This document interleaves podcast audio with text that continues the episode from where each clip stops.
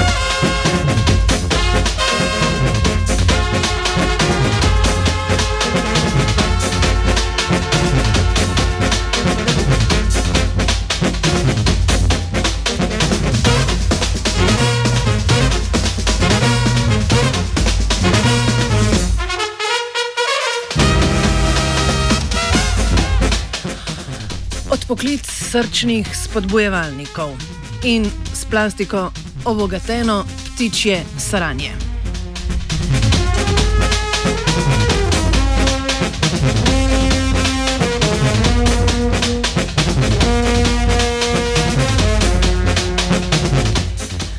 Ameriško podjetje Medtronic umika z tržišča vse srčne spodbujevalnike tipa InSync 3 z baterijo, ki je bila izdelana pred decembrom 2003.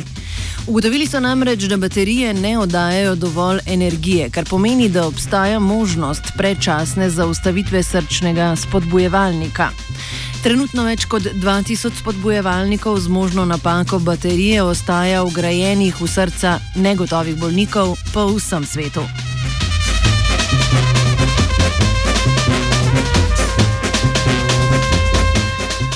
Srčni spodbujevalnik ali pacemaker zdravniki ugradijo bolnikom s hudimi aritmijami ali srčnim popuščanjem.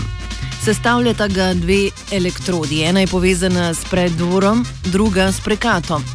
Obe pa sta v stiku z generatorjem električnega impulza, torej z baterijo.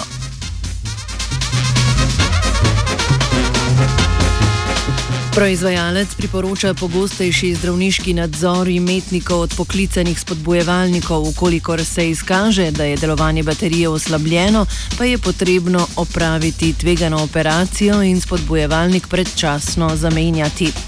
Hkrati Medtronic pacijente poziva k takošnjemu iskanju nujne zdravniške pomoči v primeru občutka toplote na mestu, kjer se nahaja spodbojevalnik.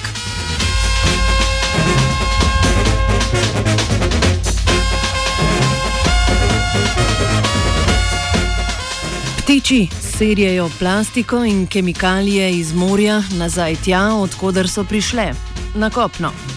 Mark Mallory, profesor biologije z Univerze Acadia na Novi Škotski, študira ledene viharnike, ki v deset tisočih gnezdijo na klifih otoka Devon v arktični tundri.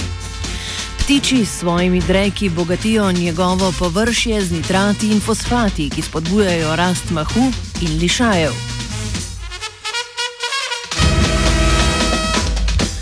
A Mallory ugotavlja, da so gnezdišča ledenih viharnikov hkrati tudi območje visoke onesnaženosti. Ti namreč na odprtem morju zaužijajo velike količine plastike in kemikalij, ki jih na to izbljuvajo ali iztrebijo na klifih.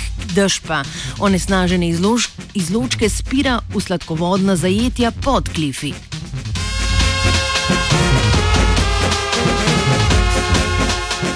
V s kemikalijami, onesnaženem bujnem mahu in lišajih se redijo žuželke.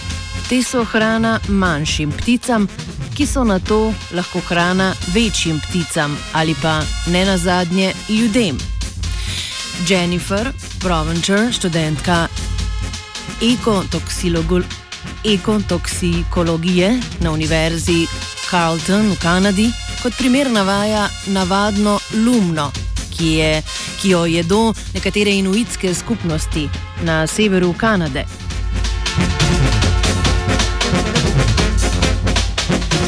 Kakšen vpliv na žive organizme imajo te plastiki sorodne kemikalije, ki jih ptice z morja prinašajo nazaj na zemljo, še ni povsem jasno. Gotovo pa je, da smo preko procesa bioakumulacije, posledic onesnaževanja mori, vedno bolj deležni tudi ljudje in to ne zgolj preko rib, temveč tudi preko ptic.